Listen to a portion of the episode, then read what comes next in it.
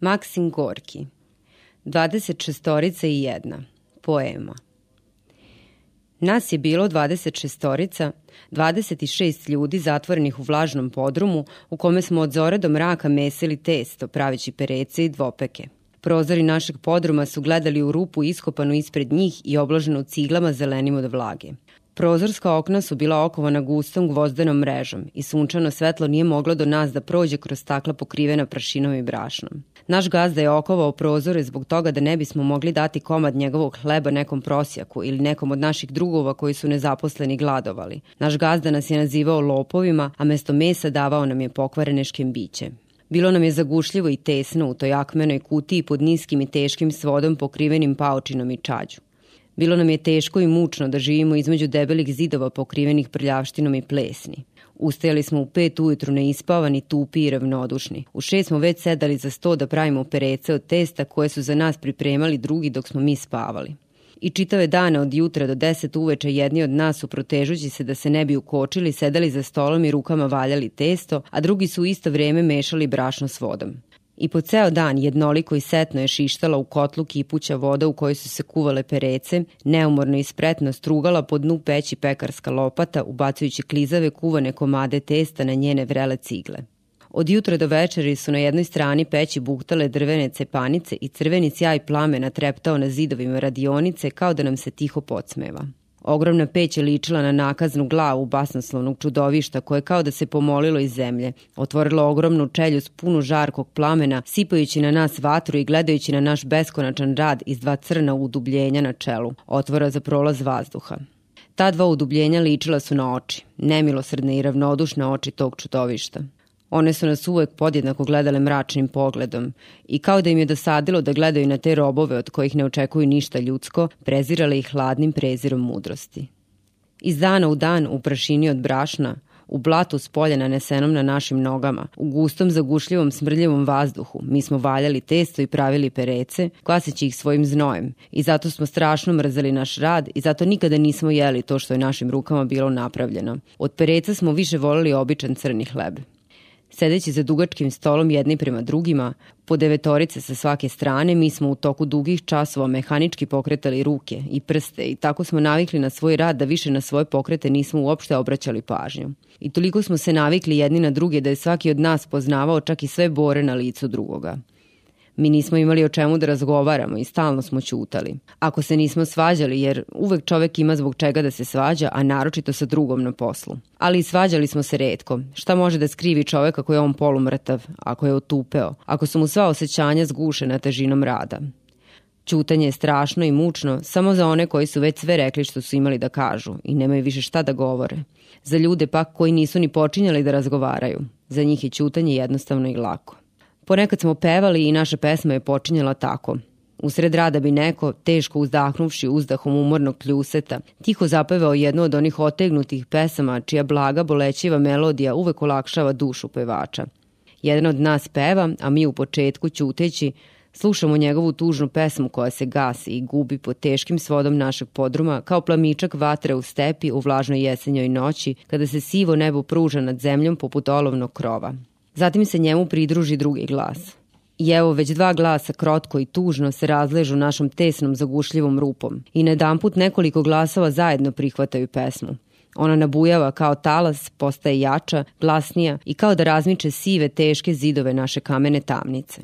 Pevaju svih 26 Snažni, divno uvežbani glasovi ispunjavaju radionicu. Pesmi u njoj tesno, ona udara o kamen zidova, uzdiše, plače i ispunjava srce blagim golicavim bolom, budi u njemu stare rane, pobuđuje čežnju.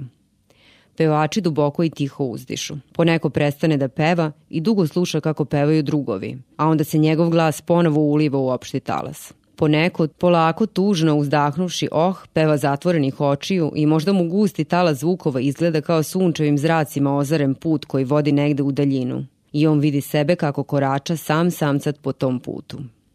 Još uvek treperi plamen iz peći, još uvek struže pekarva lopata po opekama peći, još uvek klokoće voda u kotlu, još uvek ocija i vatre podrhtava na zidovima i kao uvek smejući nam se nemo. A mi tuđim rečima opevavamo svoje jade, tešku tugu živih ljudi lišenih sunca, pesmom ublažavamo tugu robova. Tako smo eto živeli mi, nas 26, u podrumu velike kamene kuće i život nam je bio tako težak kao da su sva tri sprata te kuće ležala na našim leđima. Ali osim pesama, mi smo imali još nešto lepo, nešto što smo voleli, nešto što nam je možda zamenjivalo sunce. Na drugom spratu naše kuće nalazila se radionica veziva zlatom, u njoj je među ostalim devojkama veziljama živela 16-godišnja sobarica Tanja. Svakog jutra uz staklo prozorčića usečenog na vratima koja su vodila iz predsoblja u radionicu, prislanjalo se malo ružičasto lice s plavim veselim očima i zvonki umiljati glas nam je doviknuo. Hapsenici, dajte pereca, Mi smo se svi okretali prema tom čistom glasu i radosno i dobrodušno gledali na to nevino devojačko lice koje nam se zadovoljno osmehivalo. Prijetno nam je bilo da vidimo u staklo pritisnuti nosić i osmehom otkrivene sitne bele zube koji su blistali iza rumenih usana. Mi bismo međusobno se gurajući jurnuli da joj otvorimo vrata, a ona je, evo je tako vesela, mila, Ulazi šireći svoju kecelju, stoji pred nama nakrivivši malo glavu, stoji i neprestano se smeška. Dugačka i debela pletenica njene smeđe kose, padajući preko ramena, leži joj na grudima. A mi, prljavi, mračni, ružni, gledamo od ozdo na nju, prag na kome ona stoji je od poda naše radionice viši za četiri stepenice. Gledamo na nju, podignuši glave, želimo joj dobro jutro, govorimo joj nekakve posebne reči koje imamo samo za nju. U razgovoru s njom čak i naši glasovi mekši, a šale lakše. Za nju imamo sve naročito. Pekar vadi iz peći lopatu pereca najbolje pečenih i rumenih i istrese ih u tanjenu kecelju. Pazi da ne naletiš na gazdu, opominjemo je mi. Ona se šeretski smeška i veselo dovikuje. Zbogom hapsenici. I brzo kao mišić nestaje. I to je sve. Dugo, dugo posle njenog odlaska mi bismo među sobom o njoj lepo govorili. Govorili uvek jedno te isto što smo govorili juče i ranije zato što i ona i mi, sve oko nas, sve isto tako kako je bilo juče i ranije. Veoma je teško i mučno kada čovek živi, a oko njega se ništa ne menja. I ako mu to stanje smrtno ne izmuči dušu, to što on dalje živi, mučnija mu postaje nepokretnost svega što ga okružuje.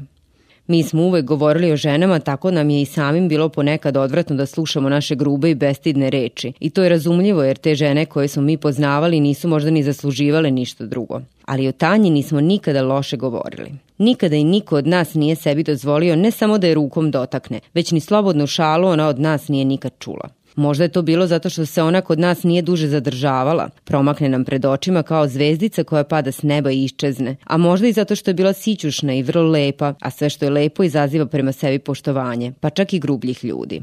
I još nešto, mada smo od našeg robijaškog rada bili tupi kao volovi, mi smo ipak bili ljudi. Kao svi ljudi nismo mogli da živimo bez nečega čemu ćemo se klanjati, pa bilo to nešto, ma šta, Oko nas nije bilo nikog ko bi bio lepši od nje i niko osim nje nije obraćao pažnju na nas, nas koji smo živeli u podrumu. Niko, mada je u kući živelo više od desetine ljudi. I najzad, što je sigurno glavno, svi smo je mi smatrali kao nešto svoje, nešto što postoji samo zahvaljujući našim perecama. Smatrali smo za svoju obavezu da je dajemo vrele perece i to je za nas postala svakodnevna žrtva i dolu, to je postao skoro obred i svakim danom nas je sve više privezivalo za nju. Osim pereca, mi smo Tanji davali i razne savete, da se toplije oblači, da ne juri prebrzo stepenicama, da ne nosi preteške naramke drva. A ona je sa osmehom slušala naše savete, odgovarala na njih smehom i nikada nas nije poslušala, ali mi se zbog toga nismo vređali. Nama je bilo potrebno samo da pokažemo da se za nju brinemo. Često nam se obraćala raznim molbama, molila je na primjer da joj otvorimo teška vrata od podruma, da joj iscepamo drva i mi smo joj to sve s radošću i čak s nekakvim ponosom činili, kao i sve drugo što je ona želela. Ali kad joj je jedan od nas zamolio da mu zakrpi njegovu jedinu košulju, ona je prezrivo frknula i rekla Gle šta ti je palo na pamet, ja da ti krpim košulju, samo mi to treba. Mi smo se dobro nasmijali tom čudaku koji je tako nešto od nje tražio i nikada je više nismo ni za što zamolili. Voleli smo je. Time je sve rečeno. Čovek uvek želi da nekome pokloni svoju ljubav, mada ponekad tom svojom ljubavlju muči voljeno biće, ponekad ga prlja, on može svojim ljubavlju da otruje život svoga bližnjega zato što ga voleći ne poštuje. Mi smo morali voleti Tanju jer nismo imali koga drugog da volimo. Ponekad bi neko od nas odjednom počinjao ovako da razmišlja. A zašto mi uopšte toliko mazimo devojku? Šta to ima u njoj? Nešto se mnogo mi sa njom majemo. Čoveka koji se odlučio da tako govori mi bismo grubo i brzo učutkali. Jer mi smo morali da imamo nešto što volimo i to nešto smo našli sebi i voleli ga. A ta činjenica što smo ga voleli nas 26 storica morala je za svakog da bude neprikosnovena kao svetinja. Onaj ko se u tom pitanju nije slagao s nama bio je naš neprijatelj. Možda predmet naše ljubavi nije bio dostojan te ljubavi, ali nas je bilo 26 storica, zato smo hteli da ono što je nama drago bude svetinja i za sve druge. Naša ljubav u izvesnim prilikama nije bila ni malo lakša od naše mržnje i baš zbog toga bi se našao po neki uobraženko koji bi tvrdio da je naša mržnja udobnija od naše ljubavi. Ali ako je tako, zašto nas onda ne izbegavaju? Osim pekare za perece, naš gazda je imao i pekaru za luksuzno pecivo. Ona se nalazila u istoj kući odvojena od naše rupe samo zidom. Ali pekara za luksuzno pecivo bilo je samo četvorica i oni su nas izbegavali smatrajući da je njihov rad čistiji od našeg, zbog čega su i sebe smatrali boljim od nas. Oni nisu dolazili kod nas u radionicu, pocenjivali su nas i smevali kad bismo se susretali u dvorištu, a mi opet njima nismo išli jer nam je to zabranjivao gazda iz straha da ne krademo slatko pecivo. Mi pekare nismo volili jer smo im zavideli. Njihov rad je bio lakši od našeg, oni su zarađivali više od nas, dobijali bolju hranu, imali prostraniju i svetliju radionicu i svi su bili tako čisti i zdravi. Sve je to bilo suprotno od onoga što smo mi imali. Svi smo mi bili nekako žuti i sivi, trojica od nas su imala sifilis, neku tuberkulozu, a jednog je potpuno iskrivio reumatizam. U prazničke dane i dane slobodne od rada oni su oblačili odela i škripucave čizme. Dvojica od njih su imala harmonike i svi su odlazili u šetnju u gradski park. A mi smo nosili nekakve dronjke i na nogama stare iznošene cipele ili opanke. Nas u park nije puštala policija. Zar smo onda mogli da volimo pekare? Jednom smo doznali da se jedan od pekara propio, da ga je gazda najurio, da već uzeo drugoga i da taj drugi odsluženi vojnik nosi atlasni prsluk i sat sa zlatnim lancem. Jedva smo čekali da ga vidimo i svakog časa smo istrčavali u dvorište u nadi da ćemo videti toga kicoša ali on je sam došao u našu radionicu. Udarcem noge otvori vrata i ostavivši ih otvorena stade na prag i reče nam osmehujući se. Pomoz Bog, zdravo momci. Hladan vazduh koji kuljnu kroz vrata kao gust oblak pare obavi njegove noge, on je stajao na pragu, gledao nas od ozgo i ispod njegovih svetlih mangupskih uvijenih brkova videli su se krupni žuti zubi. Prsluk mu je zaista bio nešto posebno. Modar sa izvezenim cvetovima, sav je nekako sijao, a dugmeta od nekakvih crvenih kamičaka. Tu je bio i zlatni lanac. Lep momak je bio taj vojnik, tako visok, zdrav, rumenih obraza. Njegove krupne svetle oči bile su oči dobrog čoveka koji nas je gledao ljubazno i otvoreno. Na glavi je imao belu, jako uštirkanu kapu, a ispod čiste bez jedne mrlje kecelje izvirivale su drečave čarape iz modernih, dobro uglancanih čizama. Naš pekar ga učtivo zamoli da zatvori vrata. On to ne žureći se učini i poče da se raspituje kod nas o gazdi.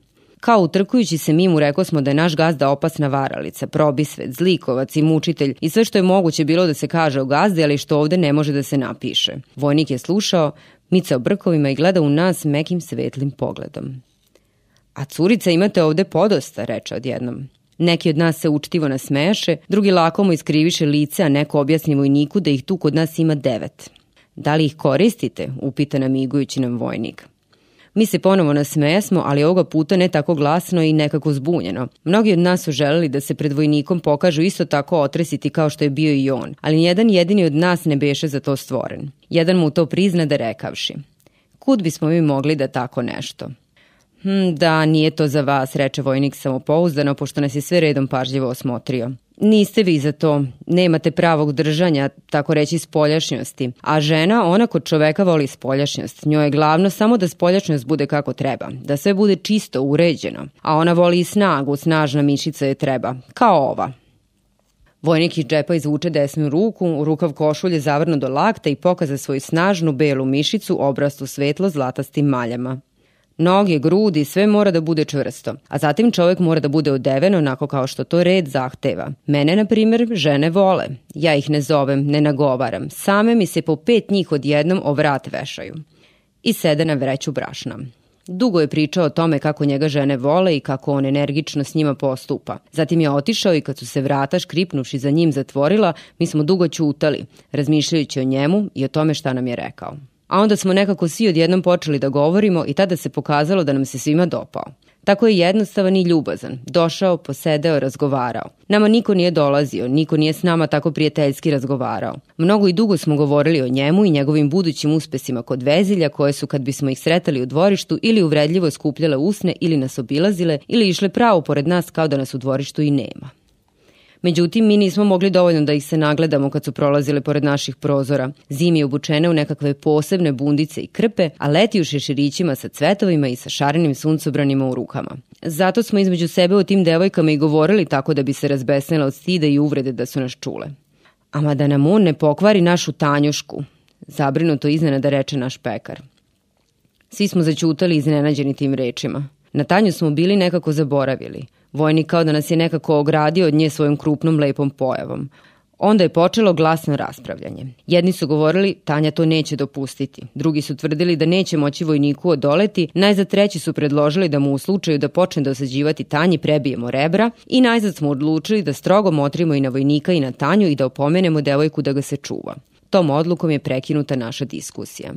Skoro mesec dana je prošlo. Vojnik je pekao zemičke, provodio se s veziljama i često navraćao kod nas u radionicu, ali o pobedama nad ženskama nije više govorio, već je samo zavrtao brkove i pohotljivo mljackao usnama. Tanja je svako jutro dolazila po perecice. I kao uvek bila je vesela, mila, ljubazna.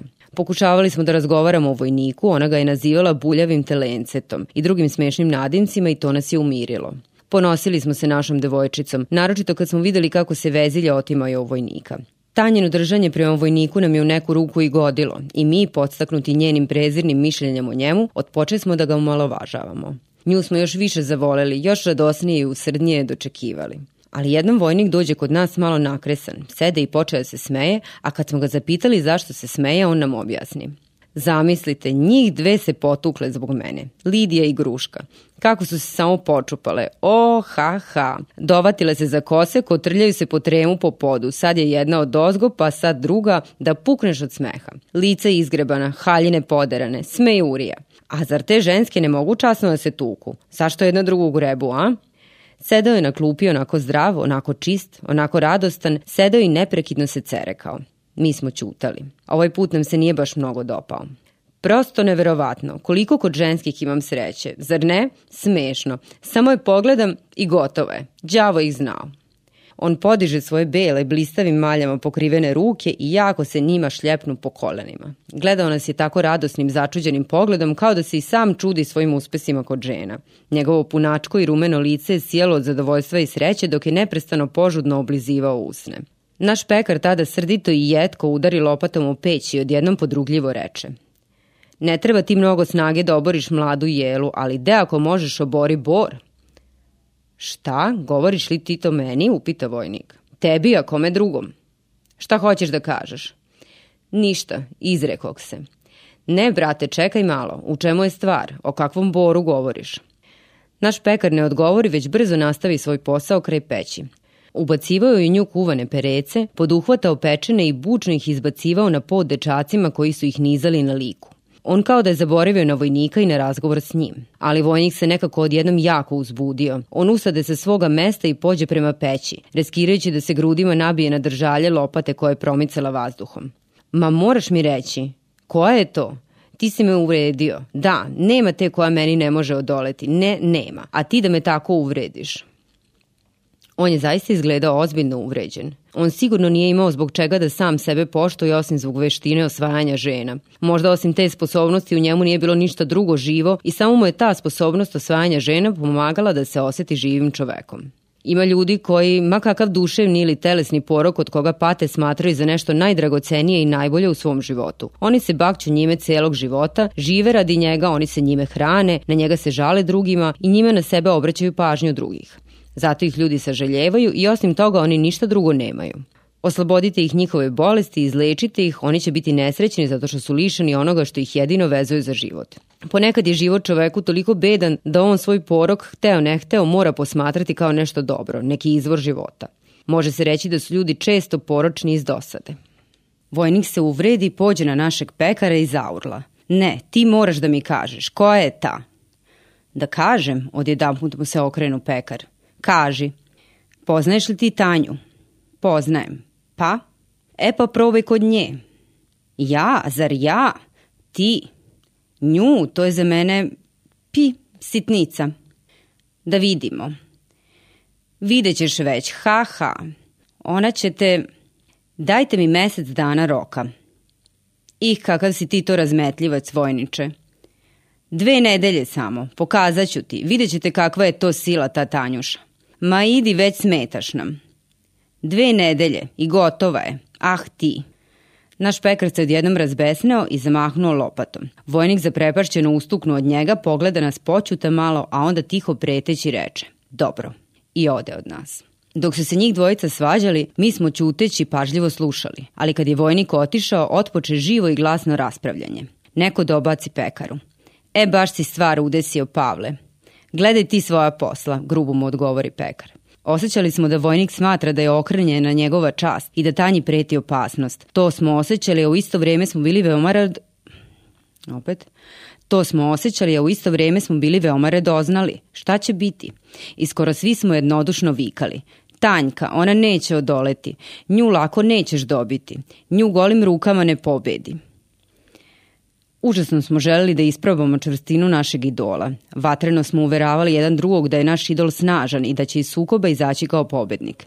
Najzad nam se učinilo da smo premalo razražili vojnika, da bi on tu stvar mogao predati zaboravu i da treba njegovu taštinu još više podstaći. Od toga dana smo počeli da živimo u neobičnoj nernoj napregnutosti kakva nam dotle uopšte nije bila poznata. Čitave dane smo raspravljali samo o tome. Svi. Kao da su nekako postali pametniji, počeli su da govore i bolje opet. Čitave dane smo raspravljali samo o tome. Svi kao da su nekako postali pametniji, počeli su da više i bolje govore.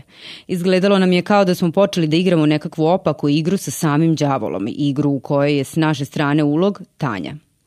A kada smo od jednog od susednih pekara doznali da je vojnik opasno uzeo na oko našu Tanju, toliko smo se zainteresovali i zabavili oko te stvari da čak ni primetili nismo da nam gazda, koristeći naše uzbuđenje, već nekoliko dana daje po 14 pudi više testa dnevno na preradu.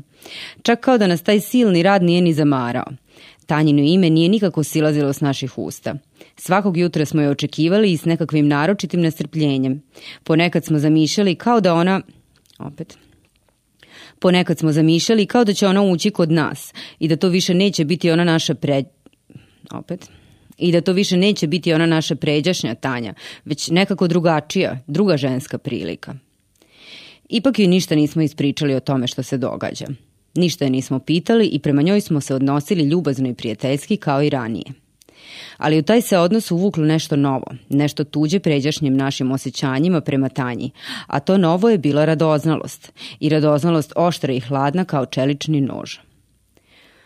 Braćo, danas mu je rok, reče jednog jutra naš pekar počinjući da radi. Mi smo to i bez njegove napomene odlično znali, ali nas njegove reči ipak trgoše. Dobro je, pogledajte, samo što nije došla, reče pekar. Neko kao žaleći uzviknu. Da zar se očima tako nešto može otkriti? I ponovo počeli smo da se vatreno i glasno prepiremo. Danas ćemo konačno doznati koliko je čista i blatu nepristupačna ta posuda u kojoj smo stavili sve najbolje što smo imali. Tog jutra smo nekako prvi put iznenada osetili da smo stvarno zaigrali veliku igru i da prilikom tog isprobavanja njene vrline možemo zauvek izgubiti svoje božanstvo. Tih dana smo svi slušali kako vojnik uporno i neprekidno juri za Tanjom, ali je ne znam zbog čega niko od nas nije zapitao kako se ona drži prema njemu. Ona je i dalje svako jutro dolazila po perece i bila je uvek ona ista pređašnja Tanja. I eto, tog dana ubrzo začu smo njen glas. Hej, hapsenici, evo me. Požuri smo se da joj otvorimo i kad je ušla, dočeka smo je protiv običaja ćutanjem. Gledajući pažljivo na nju, nismo znali šta da joj kažemo, šta da je pitamo. Stajali smo pred njom okupljeni u grupu i ćutali. Ona se očigledno začudila zbog tog neobičajenog dočeka i odjednom vide smo da je pobledela, uznemirila se, nekako se postidila i prigušenim glasom pitala. Šta je to? Kakvi ste danas? A ti kakva si? Dobacio je namrgođeno pekar, ne odvajajući od nje pogled. Ja? Kakva bi trebala da budem? Ma ništa. Onda dobro, dajte brže te perece. Nikad nas ranije nije požurivala. Stići ćeš, reče pekar, ne pokrenuvši se i ne odvajajući pogled s njenog lica. Tada se ona iznenada okrenu i nestade u vratima. Pekar se prihvati lopate i okrenuši se prema peći mirno reče. Znači, svršeno. Kao stado ovnova gurajući se pođo smo stolu, čuteći posle da smo im litavo se prihvati smo posla. Uskoro neko reče. A možda i nije? Dede brbljaj samo uzviknu pekar. Svi smo pekara smatrali za pametnog čoveka, pametnijeg od nas. I njegov uzvik primi smo kao izraz njegovog uverenja u vojnikovu pobedu. U 12 sati, kad je vreme ručka, eto i vojnika. Bio je kao i uvek, čisti nalickan i kao uvek gledao nas je pravo u oči. E pa čestita gospodo, hoćete li da vam pokažem šta vojnik zna? Reče i pobednički se nasmeja. Ako hoćete, izađite u trem i pogledajte kroz onu rupu. Jeste li razumeli? Gurajući se mi izlete smo i postavili smo se da jedan preko drugog gledamo kroz rupu na daščanom zidu koji je razdvajao trem od dvorišta. Nismo morali dugo da čekamo. Ubrzo, žurno, zabrinuta izgleda pođe i Tanja, preskačući lokve istopljenog snega i blata. Nestade u vratima od podruma. Zatim, ne žureći se izviždućući, s rukama u džepovima i mičući brcima, tu da prođe i vojnik. Padala je kiša i mi smo gledali kako njene kapi padaju u bure i kako se njihova površina nabira pod udarcima kapi. Dan je bio siv, vlažan, vrlo neprijatan dan. Na krovovima je bilo još snega, a na zemlji su se već pojavile tamne mrlje blata. I sneg na krovovima je takođe bio prekriven nekakvom surom prljavštinom. Kiša je tiho sipala, rominjala polako i sitno. Hvatala nas je jeza i bilo nam je neprijatno to čekanje u hodniku. Prvi je iz podruma izašao vojnik. Izašao je polako, dvorištem, mičući brcima, s rukama u džepovima. Isti kao i uvek. Zatim izađe Tanja. Njene oči. Ah, njene oči su blistale od radosti i sreće, a usne se smešile. Išla je kao u snu, posrćući, nesigurnim korakom. Nismo to mogli mirno da podnesemo. Svi odjednom jurnu smo kroz vrata, istrče smo u dvorište i poče smo da zviždimo, urlamo na nju zlobno, glasno divlje. Kad nas vide, ona zadrhta i stade kao ukopana u blato koje se našlo pod nogama. Okupljeni oko nje, mi smo je psovali ogorčeno, zlurado, bezobzirno, obasipajući je najpogrdnijim, najružnijim rečima. To smo činili ne žureći se, polako, svesni da onako opkoljena ne može da ode i da možemo da se na njoj iživljavamo koliko nam drago. Ne znam zašto, ali nismo je tukli. Ona je stajala među nama okrećući glavu, čas na jednu, čas na drugu stranu, dok je slušala naše uvrede. A mi se sve jače, sve više nabaciva smo na nju blatom svojih reči. Pobledala je kao krpa. Njene plave oči, trenutak ranije tako sretne, bile su širom otvorene. Teško je disala, usne su joj podrhtavale a mi smo joj se opkolivši je svetili jer nas je pokrala. Pripadala je nama. U nju smo uložili sve najbolje što smo imali. I mada se to najbolje sastojalo iz prosjačkih mrvica, nas je bilo 26, a ona je bila jedna. I zato nema tih muka koje bismo je zadali, a koje bi bile u stanju da poprave njenu krivicu. O kako smo je vređali. Ona je samo čutala, usplahirano nas gledala i drhtala kao u groznici. A mi smo se cerekali, vrištali, urlali, od nekud nam pritrčeše neki ljudi. Jedan od nas u neko doba povuče Tanju za rukav od bluze. Odjednom njene oči počeše da sevaju. Ona podiže ruku, dovodeći u red svoju kosu i mirno nam kresne u lice. Oh, vi hapsenici, nesrećnici! I pođe prema nama kao da uopšte nismo tu, kao da joj ne stojimo na putu. Zato se nijedan od nas zaista ne usudi da joj prepreči put. Izašavši iz našeg kruga, ona nam ne okrećući se, istim glasom gordo i prezrivo dobaci. Ah vi, nitkovi, gadovi! I ode, uspravna, lepa, gorda. Mi ostado smo u dvorištu, u blatu, pod kišom i pod curim nebom bez sunca. Zatim se čuteći vrati smo u svoju sivu kamenu rupu. Kao i ranije, sunce nije nikad provirivalo kroz prozor, a Tanja više nikada nije dolazila. Vuk Stefanović Karadžić, narodna pripovetka Mora – Pripovijeda se da je nekakvoga čovjeka tako morila mora da već naposlije nije mogao zaspati i dosadi mu se kod kući življeti nego uzješe na svoga bijela konja i pobjegne u svijet ne znajući ni kud ni kamo. Ali mu i to bilo zaludu, jer i na putu kako bi sklopio oči, odmah mora na nj.